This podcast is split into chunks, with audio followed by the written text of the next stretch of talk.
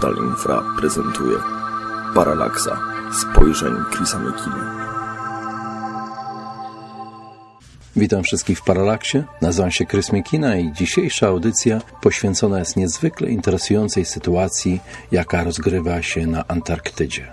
Po 20 latach wiercenia w lodzie grupa rosyjskich naukowców przebiła się do wód prehistorycznego jeziora Wostok, które jest odizolowane w ten sposób od świata zewnętrznego przez bagatela 14 milionów lat. Liczba ta nie jest do końca pewna i zmienia się w zależności od tego, kto robi takie obliczenia. Naturalne wydaje się więc pytanie, czego Rosjanie szukają w tym jeziorze. Oni sami ze szczerą prostotą odpowiadają, że śladów życia pozaziemskiego. Rosjanie spodziewają się znaleźć w lodowatych wodach jeziora żywe organizmy, które są w stanie przetrwać w tak ekstremalnych warunkach. Naukowcy mają nadzieję, że znalezienie takich stworzeń pozwoli im odnaleźć podobne do nich na innych ciałach niebieskich, jak choćby Księżyc Jowisza Europa czy Księżyc Saturna Enceladus, gdzie warunki naturalne przypominają Antarktydę lub, jak mówią niektórzy, pierwsze pięć dni stworzenia z Księgi Rodzaju. Rosjanie złamali więc coś w rodzaju kosmicznej pieczęci, która otworzyła, jak chcą niektórzy, puszkę Pandory, uwalniając starożytne mikroby, które być może zmiotą nas z powierzchni Ziemi. Rosjanie pracowali nad tym odwiertem już od 20 lat. Wiercenia powstrzymywano na przestrzeni tego czasu wiele razy, głównie na żądanie Komisji Antarktycznej ze względu na zanieczyszczenia towarzyszące pracom wiertniczym.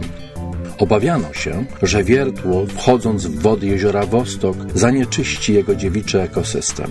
Obawiano się także, że może być zupełnie odwrotnie i ten mający 14 milionów lat ekosystem zanieczyści nasze środowisko naturalne. Rosjanie opracowali urządzenie, które pozwoliło im pobrać próbkę wody z jeziora bez obawy jego zanieczyszczenia. Tak przynajmniej utrzymują. Nikt nie ma pojęcia, jakie stworzenia mogą zamieszkiwać jezioro Wostok, zwłaszcza, że jest ono unikalne nawet na skalę Antarktydy przeciwieństwie do innych jezior, Wostok jest kompletnie odizolowany od świata i nie ma połączenia ze światem zewnętrznym nawet przez podziemne cieki wodne. Rosjanami z pewnością nie powoduje tylko szlachetna naukowa ciekawość. Na Antarktydzie prowadzi się od wielu lat poszukiwania rzadkich minerałów, a eksploracja tego kontynentu na większą skalę rozpoczęła się tuż po zakończeniu II wojny światowej od tajemniczej operacji High Jump prowadzonej przez admirała Birda. Od tego czasu obszar Antarktydy jest często wykorzystywany do rozmaitych wojskowych celów, nie tylko przez Amerykanów, ale także przez Rosjan i Chińczyków. Antarktyka nie należy do żadnego kraju, ale wiele państw zgłasza chęć przyłączenia części tego kontynentu do swojego terytorium. Na Antarktydzie znaleziono do tej pory złoża tak rzadkich minerałów jak skant, który jest stosowany w budowie pojazdów kosmicznych, prazeodym, stosowany w magnesach i laserach, i lit używany w bateriach nuklearnych, a także wiele innych minerałów, które niezwykle trudno znaleźć na Ziemi. Tak więc dla światowych mocarstw dostęp do bogactw Antarktydy jest częścią ich bezpieczeństwa narodowego. Jednocześnie ta aktywność na Antarktydzie jest utrzymywana w kompletnej tajemnicy, a bazy polarne, takie jak na przykład amerykańska McMurdo, budowane są często przez wojsko. Sprzyja to rozmaitym spekulacjom na temat ukrytych pod grubą warstwą lodu zaginionych miast lub nawet baz UFO. Wiele z tych spekulacji oparte jest na solidnych podstawach, gdy nieoczekiwanie na światło dzienne wychodzi fakt, że na Antarktydę wysłano wiele ton ciężkiego sprzętu wiertniczego, który nigdy nie został zapisany w manifestie żadnego przewoźnika. To, co wiemy, to, że pod lodem wschodniej Antarktydy znaleziono ślady potropikalnej roślinności. Kontury białego kontynentu bez pokrywy lodowej można także zobaczyć na mapie Piri Reisa. Jeśli spróbować dop dopasować ląd opisany przez Platona i nazwany przez niego Atlantydą, to jedynym miejscem, które pasuje najbardziej do tego opisu, jest właśnie Antarktyda. Nad jeziorem Wostok przeprowadzono także wiele pomiarów pola elektromagnetycznego, których odczyt wskazywał na zasadnicze anomalia, sugerujące, że na dnie jeziora jest coś jeszcze, o czym na razie nie mamy pojęcia. Coś podgrzewa jego wody, tworząc wielką, pustą niszę pomiędzy jego powierzchnią a lodem. Być może jest to pęknięcie geotermiczne, ale nikt tego nie jest do końca pewien. Lodowych odwiertów na Antarktydzie dokonują także Anglicy w jeziorze Ellsworth i Amerykanie w ciekach wodnych Willands Ice Streams. Oba te zbiorniki wodne są jednak znacznie młodsze niż jezioro Wostok. Oficjalnie są to oczywiście szlachetne badania naukowe, ale nieoficjalnie co jakiś czas ktoś wspomina o legendarnej niemieckiej bazie pod lodami Antarktydy, gdzie miał nawet przetrwać wojnę wódz III Rzeszy Adolf Hitler wraz ze swoją małżonką Ewą Braun. Rosyjski odwiert w lodzie pokrywającym jezioro Wostok od lat wzbudzał kontrowersje. Podgrzał je jeszcze bardziej film pod tytułem The Thing, opowiadający historię naukowców na Antarktydzie, którzy odnaleźli pod lodem nieznaną formę życia. Ich ciekawość została ukarana, gdy odnaleziona tytułowa rzecz nagle ożyła i zaczęła pożerać całą ekspedycję.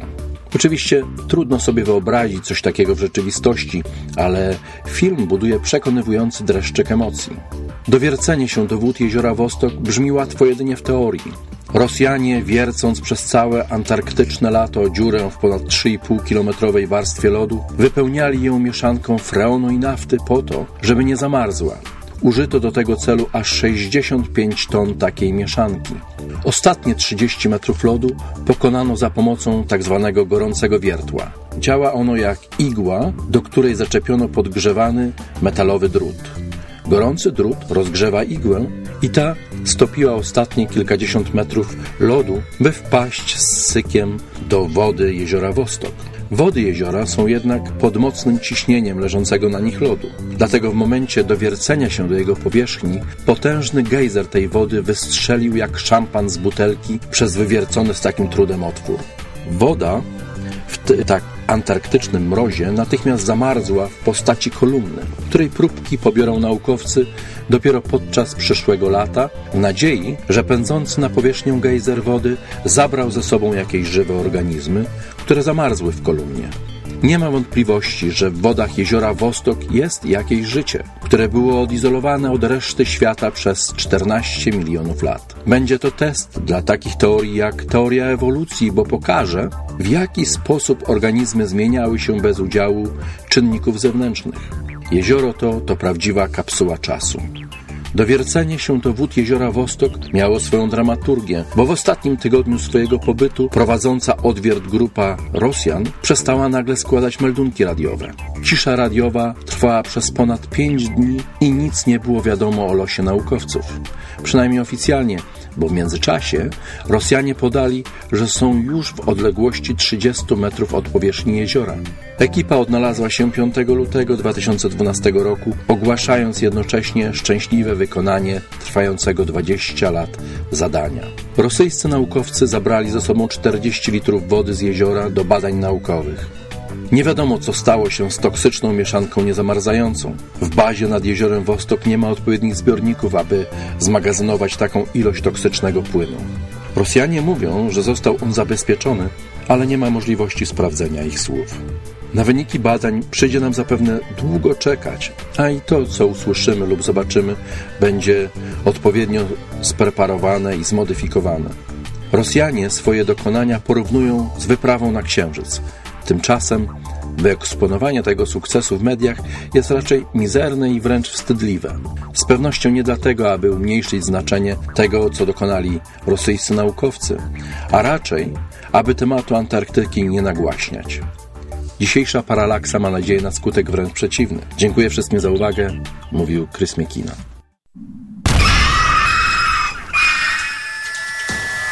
Produkcja i realizacja Portal Infra www.infra.org.pl